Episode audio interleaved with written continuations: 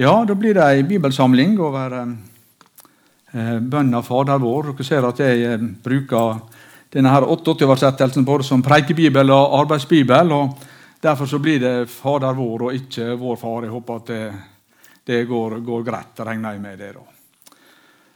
Um, og Så blir det slik jeg holder på en stund, og kanskje bryter jeg av litt uh, innimellom. Så kan samtale litt grann sånn i benkene underveis. Vi får se. Nå ber vi sammen først. Kjære Herre Jesus, eh, takk for ordet ditt, som vi skal få lov å dele. Takk at du er frelseren vår, og du er Herren vår, og du er læreren vår. Takk at vi skal få lov til å be til deg i det du har sagt sjøl, og du har gitt oss bønneretten. Adgangen til Gud Fader likedan som du har det sjøl. Det takker oss det for og priser deg for Jesus. Jeg ber om at du må gjøre det stille i hjertet vårt og i tankene våre nå. Eh, og tale til oss om noe som kan bli oss til hjelp i hverdagslivet vårt som dine sine, Jesus. Amen. Slik skal du be, sier Jesus, og så lærer han deg denne bønna som oss kaller for Fader vår, eller Vår Far, eller Herrens bønn. Og Det er mange tanker han kan gjøre seg om bønn. Eh, jeg har møtt mange som eh, sier de har stor bibelkunnskap og er kjent i Guds ord. Eh, men jeg har møtt veldig få, kanskje ingen, som har, har løfta sterkt fram eller skrytt av bønnelivet sitt. Jeg tror de aller fleste av oss kjenner på det at det kunne vært annerledes, det kunne vært bedre, det kunne vært brukt mer tid. De fleste kjenner på et eller annet når det gjelder det, som er hjelpeløse eller Eh, skulle gjerne hatt noe mer og noe større. Iallfall kjenner jeg på det sånn sjøl. Så kan lure på er, det vanskelig å be. Er det en kunst? Er det en kunst å be? Eh, når han taler og, og, legger ut Guds ord, så er det lett å trykke på noen knapper som, som gir folk dårlig samvittighet når han snakker om bønn. Han kjenner det sånn i hjertet sitt. Eh, jeg har hatt bruk av litt eh, enkle sitater av eh, gamle biskop Pontoppidan. Han, sier det slik at bønn er å tale enkelt og likefrem med Gud i sitt hjerte. Det er sikkert mer å si om bønn enn det, selvfølgelig er det det, men, men det er godt å få lov å tenke at sånn er det faktisk. Enkelt og greit, likefram. Si det som jeg har på hjertet til Gud og til Jesus i hjertet mitt, i livet mitt, gjennom dagen. Det letter noe bører av, av skuldrene, kanskje. Så jeg vet ikke hva forholdet du har til denne bønna til Fader vår. Ehm, jeg setter noen punkt her på skjermen. Ehm, kanskje bruker den hver dag. Bare ramser den opp, kanskje. Syns den er kjedelig. Ber den med tankeløse ofte. Eller kjenner på at dette er en rikdom og et privilegium, og at det gir fred og glede. Ja, det er noe med det å sette ord på og tenke etter hva, denne, hva den betyr i hverdagslivet mitt. Og Sjøl kjenner jeg kanskje på flere av disse tingene her. Eh, etter hvert som åra siger på, og jeg blir eldre også som kristen og forholdet mitt til Gud, så um, siger den mer og mer ned mot de nederste punktene sånn personlig. Det er en rikdom å få lov å bruke noen ord som jeg slipper å famle og finne på sjøl. Eh, og så er det noe med den freden og hvile og det er å få lov til å legge seg sjøl og alt sitt oppi Guds hende, fars hende, med ord som Jesus sjøl har lært oss å bruke. Fader vår finner oss på to plasser i evangelia. Det er i Lukas 11 og i Matteus 6. Det står en liten grann forskjellig. Eh, Førsteplassen så er det svar på dette spørsmålet at de har hørt hvor andre fariseerne og Johannes som lærer sine læresveiner å be.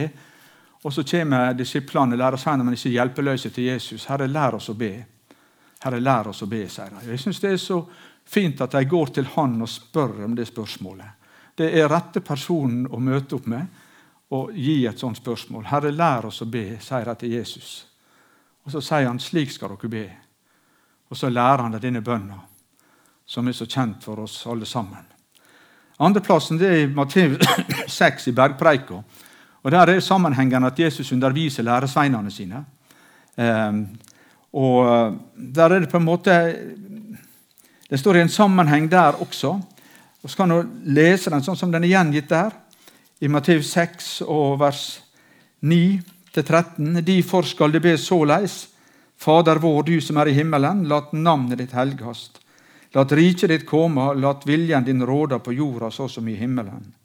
Gjev oss i dag vårt daglige brød, og forlat oss vår skyld, som vi òg forlet våre skyldmenn.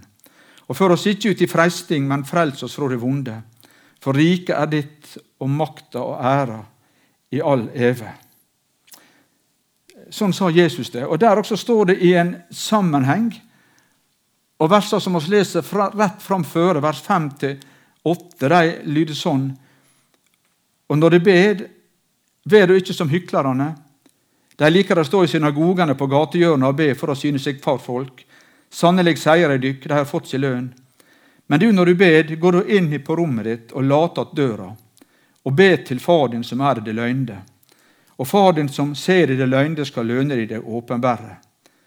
Når de ber, skal de ikke ramse opp mange ord, liksom heidningene, for de tror de blir bønnhøre når de bruker mange ord. Vær ikke som deg, for Far dykkar i himmelen veit hva det trenger, før de ber Han.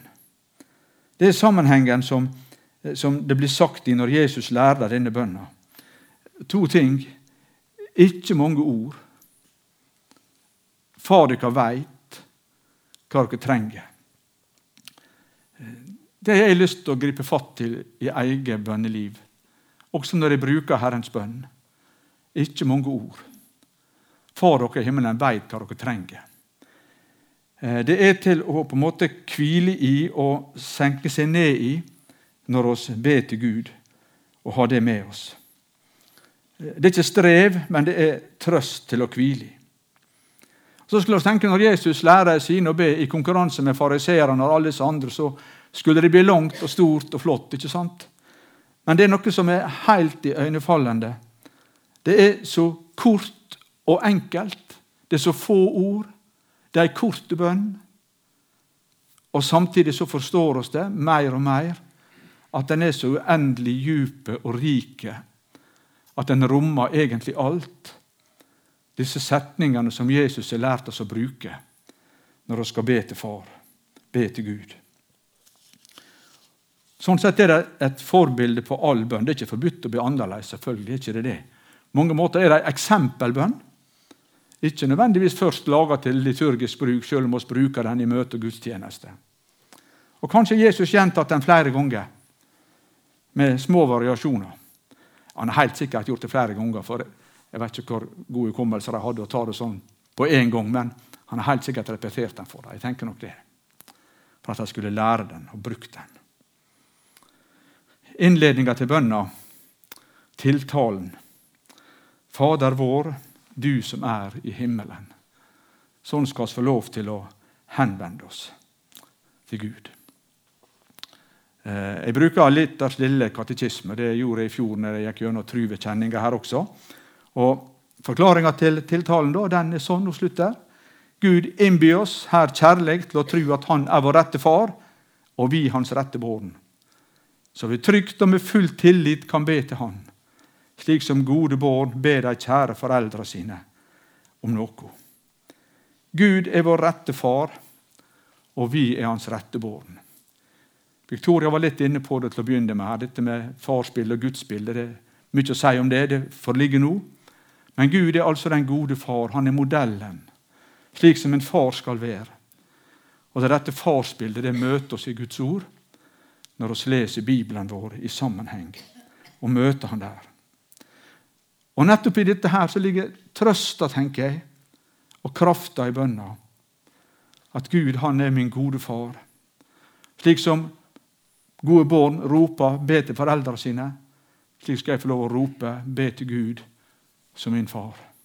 Han innbyr meg sjøl til å gjøre det. Jesus sier sånn skal du gjøre det. Skal få lov å si det sånn. Fader vår, vår far, du som er i himmelen. Så høres det kanskje litt dumt ut også med sånn selvfølgelighet, men ved inngangen til Fader vår, og det blir på en måte det store spørsmålet for hver enkelt av oss Er jeg et Guds barn? Er jeg det?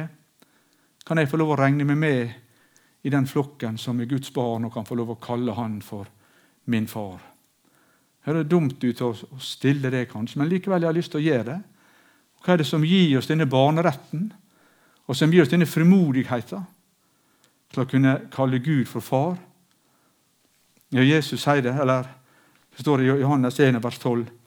Men alle de som tok imot han, de ga, altså Jesus, de gav han rett til å være Guds barn.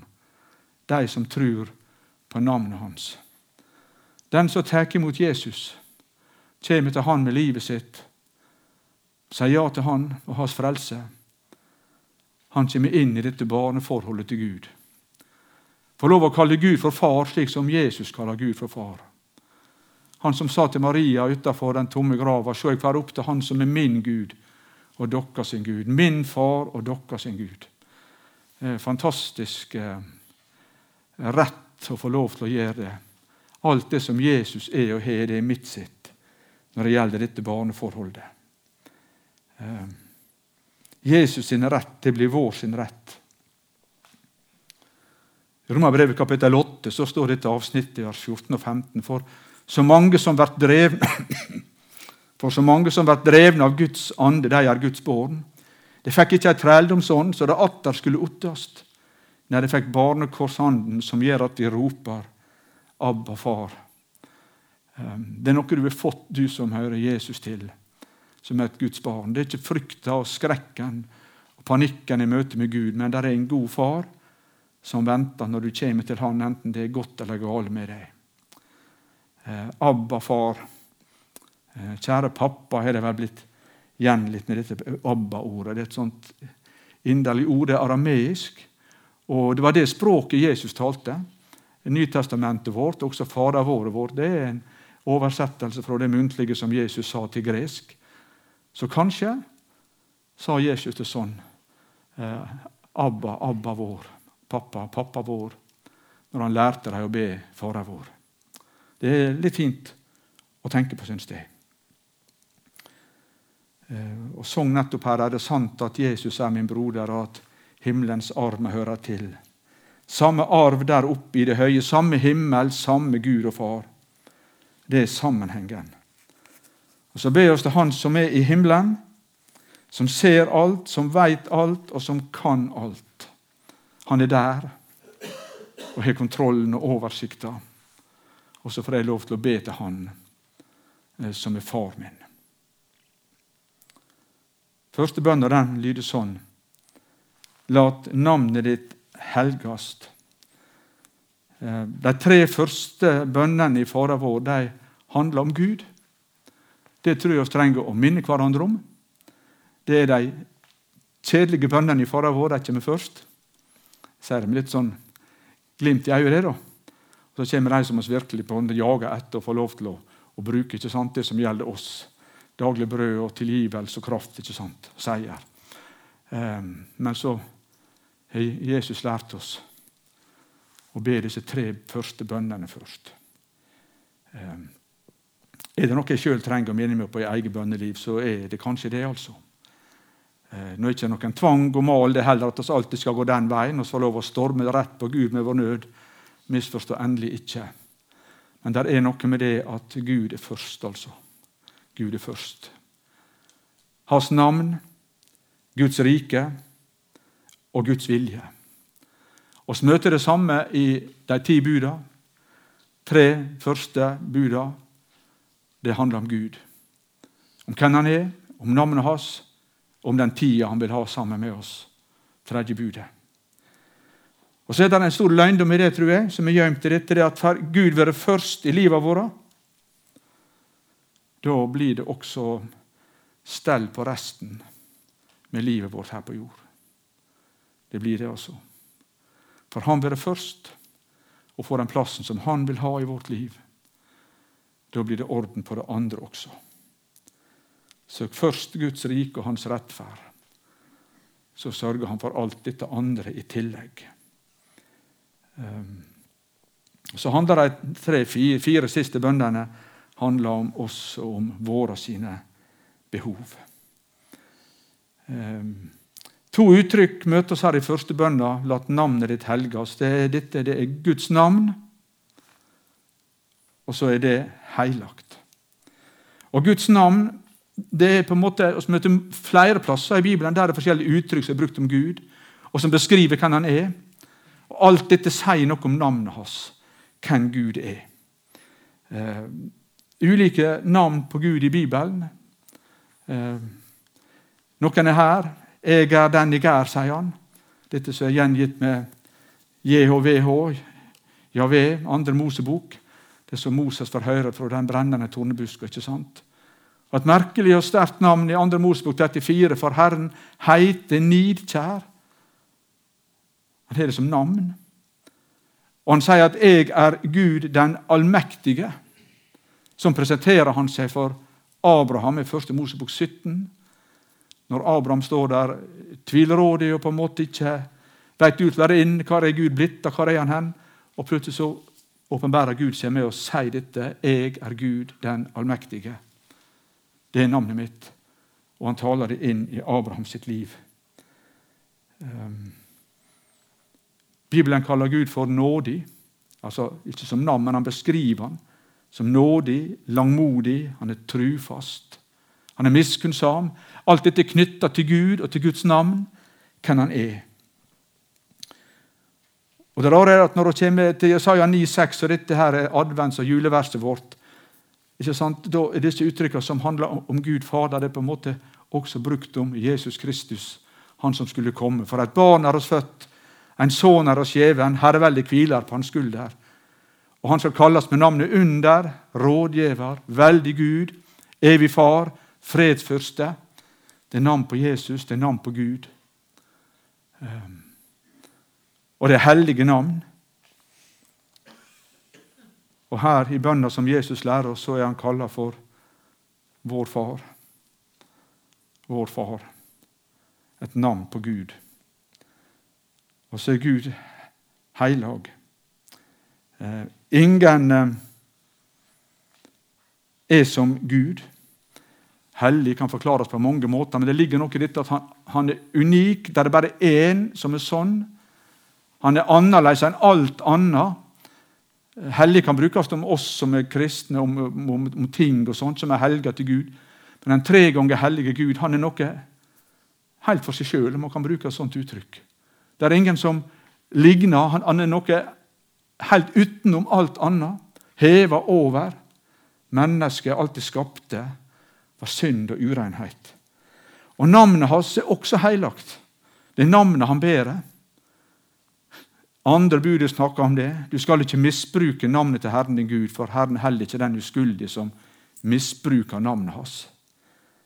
Um, Gud er ukrenkelig.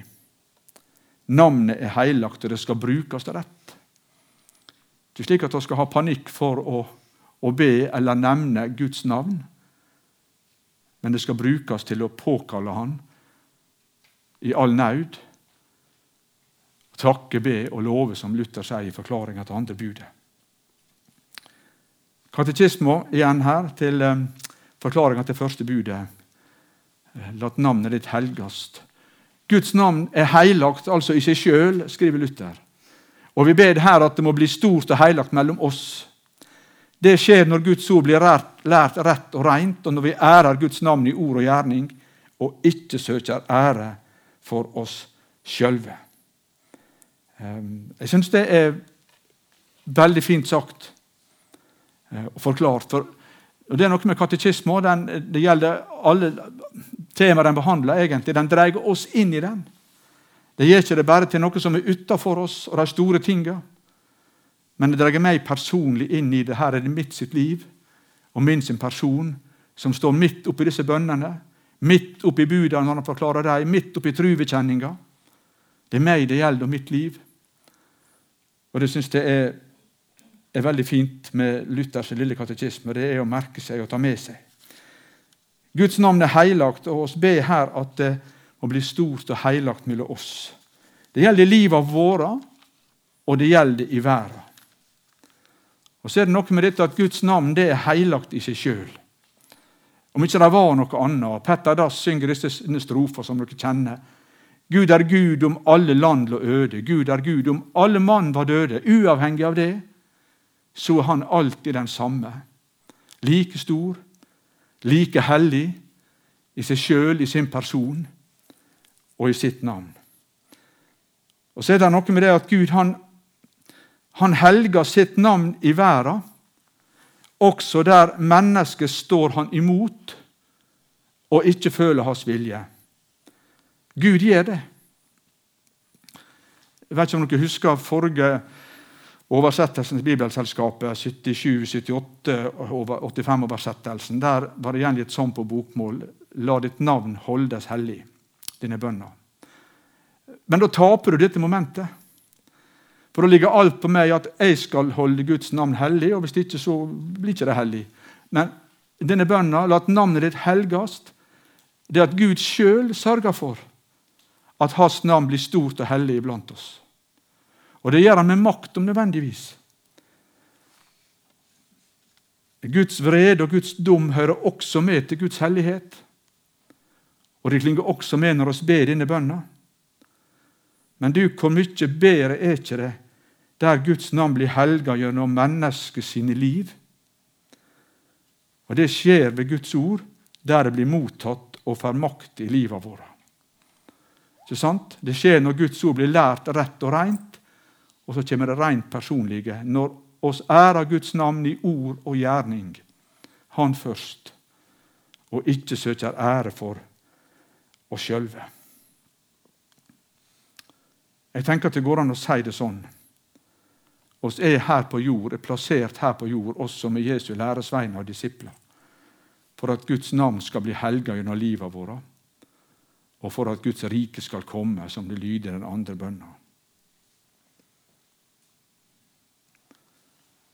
Romerbrevet 2, vers 24. For Guds navn vert for dykkar skuld spotta mellom heidningene, som skrevet står. Eh, ja, Det er vel flere av oss som kanskje har noen bitre erfaringer av, av det i eget liv. For det går an, det, altså. For min skyld, pga. mine ord, mine gjerninger, mine handlinger, så blir det til latter og hån og spott blant de som lever utafor. Det er noe av ransakelsen i dette her når vi ber denne bønna. Og så er Motstykket til dette står det i Kolossabrevet 3, vers 17. Og alt det gjør, i ord eller gjerning, gjør det alt i Herren Jesu navn, med takk til Gud Farer ved Han. Ser dere kontrasten med disse to versene? Der er livet vårt plassert. Og forklaringa til Luther oss ærer Guds navn i ord og gjerning, og ikke søker ære for oss sjølve. Så er det noe med det at når Gud er vår gode Far i himmelen, og jeg hører Jesus til, så kjenner jeg på trangen til dette her. I hverdagslivet vårt. Um, ofte bedt om morgenene dette her, sukker dette når jeg ber Fader vår når jeg skal på jobb tidlig og kjøre. La navnet ditt helgast. Og føye til gjennom mitt liv i dag, Jesus. Far i himmelen. Eh, det gjør noe med inngangen til hvordan vi møter verden, de rundt oss, og dagen. La navnet ditt helgast. Og så står ei midt oppi denne bønna og oppfyllelsen av den. Fokuset er altså på Guds navn og ære, og ikke på vår. Når Guds navn blir helga gjennom livet våre, da er vi på en måte over i andre bønner, tenker jeg. La riket ditt komme. Jeg var ikke tenkt å si så veldig mye mer om akkurat denne bønnen, for jeg bruker egentlig å ha en time til om fara vår, og så har jeg ikke klart å komprimere så veldig som jeg skulle gjøre, kanskje. Men jeg tenker kanskje også at dette har med, det med misjon å gjøre. At eh, Flere får møte Jesus. Guds rike vokser utover jorda vår. Eh, og så ender det helt hjemme på en ny jord under en ny himmel, det som du eh, nevnte. Til slutt. Det strekker seg helt dit. altså. Det er et enormt perspektiv eh, over denne bønna. La riket ditt komme. Det skal jeg få lov til å be om, og det er noe av det første jeg skal be om. Guds rike må komme iblant oss. Det begynte i småningom når Jesus var her, gikk her på jord. La himmelriket kom nær fordi han var der. fordi han var kommet nær. Skal jeg bruke resten av tida nå eh, på tredje bønna og så, um, i dag. Og Den lyder sånn La viljen din råde på jorda, så som i himmelen. Jeg vet ikke hva dere tenker på når dere tenker på dette. La viljen en råde på jorda, sånn som i himmelen. Sånn, med en gang så tenker jeg på Guds voldsomme store verdensstyre. Han som har oversikt over universet, alt som skjer på jorda, og som har full kontroll. Eh, og det er sant. Gud styrer verden i sin allmakt. Og alt dette store på jorda sånn som i himmelen. Og så tenker jeg at det, det kan ikke ha mye med lille meg å gjøre, det da, altså. Eller har det noe med meg å gjøre? Jeg blir så liten oppi det, tenker jeg.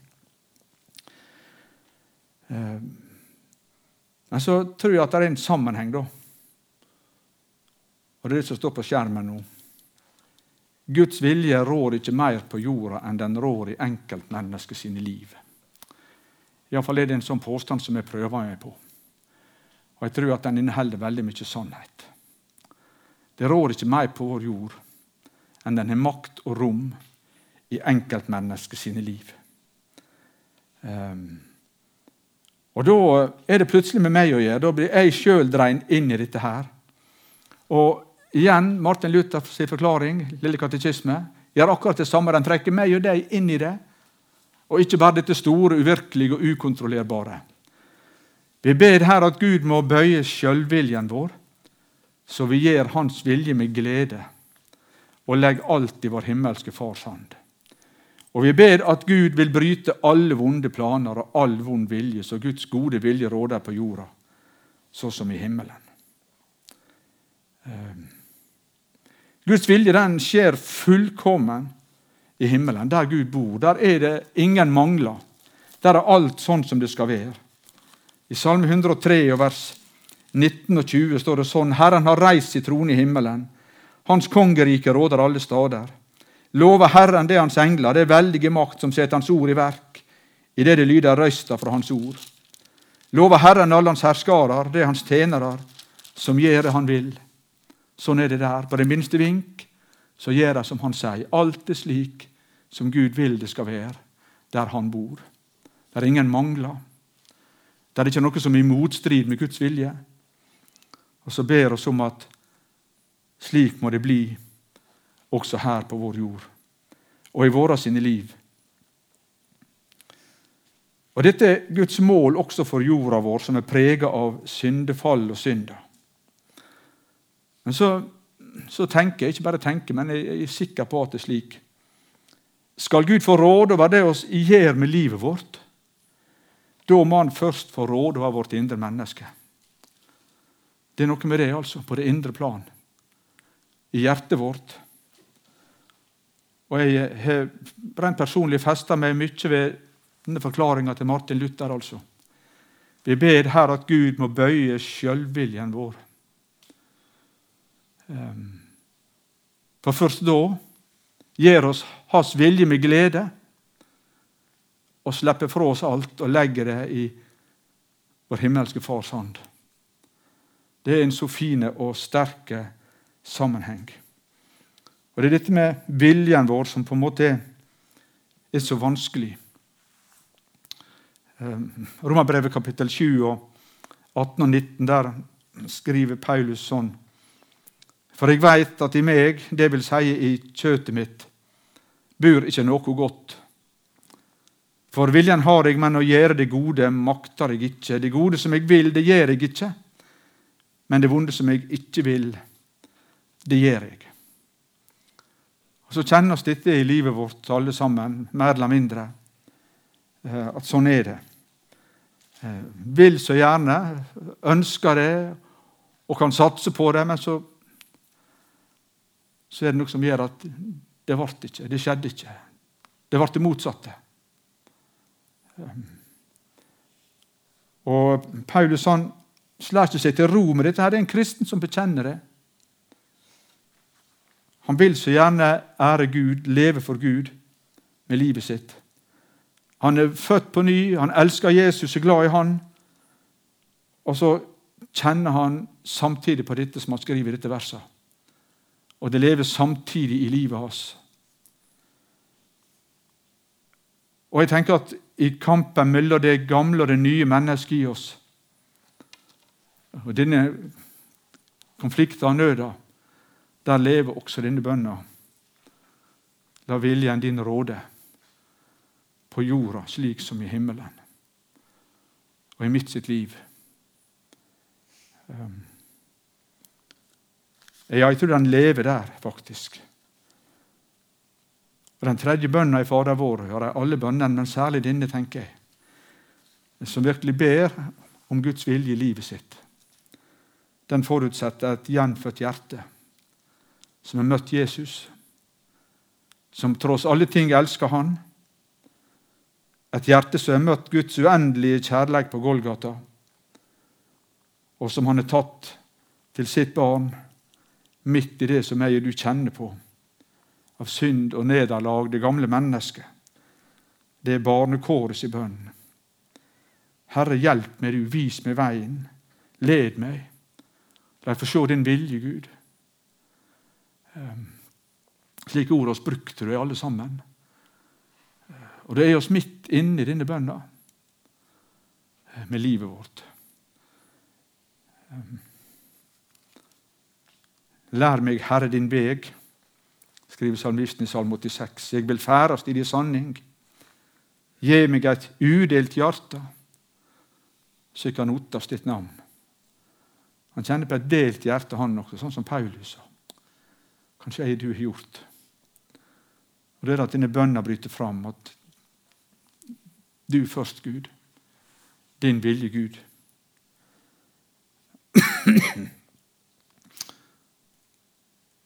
Latt viljen din råde. Det er noe med dette å ja, Hjelp meg, du. Grip inn, du, Gud. Og så kan tenke på oss som er foreldre og at barn har kanskje opplevd det at Nei, jeg vil ordne det sjøl. Nei, ikke, bland ikke deg opp i dette her. Dette gjør jeg. ikke sant? Guttene mine og iallfall en av dem ofte har gjort det sånn. Eh, jeg vil sjøl. Nei, dette her vekk, pappa. ikke sant? Og så til slutt da, så hender det seg at i situasjoner så blir det sånn at det, jeg blir ropt på likevel. 'Du får ta over, du her.' Så, ikke sant? Han bare tok seg på det, og så var det godt at jeg var der likevel. Og greip inn når alt kom til alt. Ehm, dette er en sånn sterk tanke for meg sjøl eh, når det gjelder dette, la viljen din råde. Vi ber her at Gud må bøye sjølviljen vår så vi gjør Hans vilje med glede og legger alt i vår himmelske Fars hånd. Og det er, det er egentlig, det. Når Gud bøyer vår vilje, vårt sinn, vårt hjerte. Eh, det kan det være for barna våre også, når de har fått det sjøl. Så må far til slutt gripe inn likevel. Um, Enten noe skal ordnes på en bil, eller det er andre ting som skal ryddes opp i. Det er et sånt bilde som kan brukes, tenker jeg. Ehm, det med helliggjørelsen å gjøre, på det personlige plan, denne bønnen. Det er på en måte en inngang videre til de neste bønnene som gjelder livet vårt. I Fader vår. Sånn tenker jeg om den. Ehm, og jeg, jeg bruker litt tid her nå. det er dere forstår sikkert at det, det, det betyr noe for meg sjøl, dette her, som vi snakker om nå. For altså inne på en måte det som er, er med kjerne og sentrum i forholdet vårt til Gud å gjøre, det å leve i åpenhet og fortrulighet med Han. Um, der Han får adgang til rommet i livet vårt og ikke blir stengt ute. Og 1. Peters brev, vers 5, 6 og 7, det er noen av mine kjernevers i Bibelen. Der møtes dette med å bli bøyd. Og Katekismen klinger ved. Vi ber her at Gud må bøye sjølviljen vår, så vi gjør Hans vilje med glede. Legg alt i vår himmelske Fars hand. Og Så sier Peter, audmyk dykk difor under Guds veldige hand. Og så han er den hellige. Ikke sant? La navnet ditt helgast. Ikke sant? Han er større enn meg. Så han kan opphøye rykk i sin tid. For det gjør han også. Og midt i dette at vi bøyer oss, og sjølviljen blir bøygd, så står dette befriende ord. Og kast all deres sut på Han, for Han er omsut for dere. Um, kast all deres sut på Han, for Han er omsut for dere. Det er et befriende ord. Da ligger alt i Guds hender. La viljen din råde. Eh, er det rett å be slik alltid? Er det det? Er ikke det på en måte som en sånn helgardering? ikke sant? Jeg er kanskje sikker på at han ikke griper inn, og så kanskje ikke skjer sånn som jeg bedt. og så Da har jeg gardert meg slik at jeg ikke blir skuffa. Og, og, ikke sant? Kjenner dere på den av og til? Eller er det kort og godt uttrykk for manglende tru? At jeg virkelig ikke tror på Gud, at han gjør det jeg ber han om? Um, denne setninga her, den vanskeligste bønnen å be med ærlig sinn, er bønnen 'la din vilje skje'. Jeg av og til rynker litt på nesen til den. Jeg har det altså. Eh, mer nå når jeg er snart planta eldre enn når jeg var helt ung. Hva som gjør det, jeg ikke. Kan hende at det at jeg har en litt sånn passiv natur og legger fra meg ting, kanskje, eh, hos Gud. Ehm, ja, jeg ser den kan være vanskelig å be når det er noe som står på. Den, det, det er det, altså. Jeg vil ikke, ikke gjøre, eh, si at det ikke er noe, et moment, det. Men samtidig så er det noe med denne befrielsen, altså. Far i himmelen, altså. Å få lov, virkelig få lov å Eh, for du får egentlig ikke lagt ifra deg før, før, du gjør det. altså. Og så er en balanse mellom dette. Han kan dvele så lenge ved dette, la din vilje skje, at vi glemmer andre sider ved bønna. Det er noe med ei pågående bønn, ei utholdende bønn. Be og du skal få, bank på, leit. ikke sant? Hun som krangler med urettferdige dommeren. ikke sant? Der, der er ei side i Guds ord der du skal få lov å mase, du skal få lov å trygle, du skal få lov til å holde ved i bønna og gå på Gud. Pågående bønn. Men så er det noe med dette å hvile, hvile i bønna. Eh, la din vilje råde. Bøy sjølviljen min, Gud. Du tar over her. Jeg får legge alt i dine hender. Da først gjør jeg din vilje med ikke tvang og sorg, men da gjør jeg den med glede. For det er lagt over på deg. Det er en sånn balanse her som begge deler må med, tenker jeg da. Dere skjønner hva jeg, hva jeg tenker på. Eh, så er det Jesus da som har lært oss å be denne bønna. Eh, ja, du kan si hva andre skal gjøre, sier er ikke sant? du kan prøve å gjøre det sjøl. Det er sant det sies ofte når folk sier noe til oss. Men det har han altså gjort. Han har altså gjort det sjøl. Um, Matteus 26, vers 39. Jeg kjenner situasjonen. Jeg kjenner dere alle så godt at jeg vet dere er innafor i historien. Han gikk et stykke fra dem, falt på sitt andlet og bad. Far, er det råd, så la denne kalken gå meg forbi. Men ikke som jeg vil, bare som du vil. Og vers 42, Så gikk han bort og ba andre gangen, min far, kan ikke denne kalken gå meg forbi uten at jeg må drikke han? så la viljen din råde. Merker du gjenklangen fra Fader vår og vår far? For sånn innleder han bønna. Far, min far. Han lærte oss å be vår far. La viljen din råde. Her seirer Jesus faktisk. Så går han trygg videre. Det kom noe nytt over han etter kampen i Getseman og etter bønna er ferdig. Jeg tenker at det var der på en måte striden sto, i Jesus sitt hjerte. I denne bønna vi ber her at Gud må bøye sjølviljen vår. Så vi gjør Hans vilje med glede og legger alt i vår himmelske Fars hånd.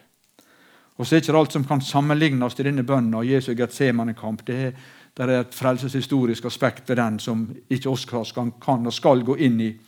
Men samtidig så er det en, en parallell til livet vårt. Og Det er en befrielse og en hvile i dette, tenker jeg. At det er godt å få lov til å være i Guds plan med livet sitt. sjøl om vi ikke forstår alt som skjer. Og Så vil ikke jeg eh, snakke voldsomt høgrøsta om det og sånn. Da. Det eh, kjenner jo flere av dere her og vet at mange av dere har forskjellig å bære på, har hatt å bære på i situasjoner som ikke er så enkle alltid. Eh, men likevel så drister jeg meg til å, å løfte fram noe av dette her som ligger inni bønna, og som, som ligger i Guds ord. Um, Jesaja 55, vers 8 og 9. For mine tanker er ikke dykkar tanker, og dykkar veger er ikke mine veger, sier Herren. For liksom himmelen er høyere enn jorda, slik er mine veger høyere enn dykkar veger. Og mine tanker høyere enn dykkar tanker. Jeg tenker Derfor trenger vi også å be denne bønna. La viljen din råde på jorda, slik som i himmelen. Og så har jeg tenkt litt sånn ja, banalt, barnslig om det kanskje. Når jeg ber dine bønner for min egen del, eh, la viljen din råde mitt liv, Herre. Da smiler Gud til barnet sitt, tenker jeg. Eh, ikke fordi at han har fått overtak og jeg vant, ikke sånn.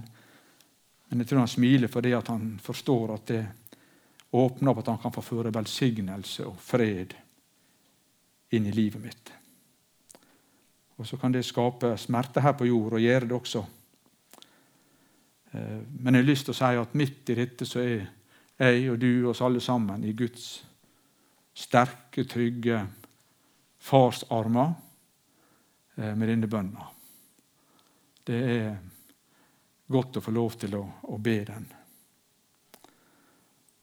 Og Nå vet jeg at jeg har hatt slagside når jeg snakker om denne bønna. Jeg vet at jeg snakker om den på det rent personlige plan når det gjelder oss som enkeltpersoner. og Det er helt bevisst. Her det mer å si. Men det skal få lov å ligge, tenker jeg. For det handler også om Guds verdensstyre. Det handler om det som skjer utover jorda vår. På alle områder, både når det gjelder politikk og kongedømme og styre og stell. Han har en hand med i det meste som skjer, i alt som skjer. Også dette enda en dag heim under ny himmel på en ny jord. Der først skjer Guds vilje fullkommen på jorda, på den nye jorda, sånn som den i dag skjer i himmelen. Og Målet her i 2. Peters brev 3,13.: Men etter Hans lovnad venter vi nye himler og ei ny jord, der rettferd bur. Fader vår, du som er i himmelen. Lat navnet ditt helgast, lat riket ditt komme. Lat viljen din råde på jorda, så som i himmelen. Gjev oss i dag vårt daglige brød, og forlat oss vår skyld, som vi òg forlet våre skyldmenn. Og før oss ikke ut i freisting, men frels oss fra det vonde. For riket er ditt, og makta og æra i all. Amen.